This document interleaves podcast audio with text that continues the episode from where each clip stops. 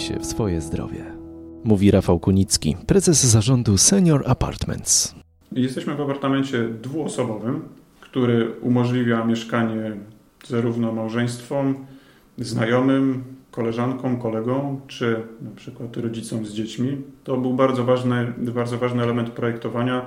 No za tym stała mm, też taka ważna myśl, że tu mieszkańcy są u siebie w domu, a nie w cudzym czy wspólnym pokoju. Tu każdy jest u siebie, u siebie w domu. U siebie w domu, czyli jeśli będzie miał y, taką wolę, to może ugotować sobie kalafiorową.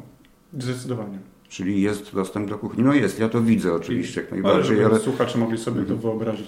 Jak najbardziej. W, w apartamencie, w którym jesteśmy, kuchnia jest połączona z dużym pokojem. Mamy jeszcze poza tym dwie sypialnie, łazienkę, przedpokój i taras. I jak już jesteśmy przy kuchni, to to jest jeden z dobrych przykładów, żeby pokazać, jak funkcjonuje idea apartamentów i mieszkań.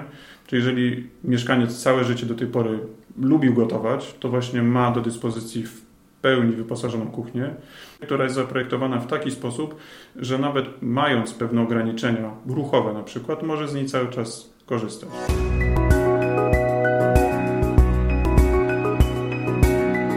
Więcej audycji o zdrowiu na stronie radioklinika.pl oraz w naszej aplikacji mobilnej.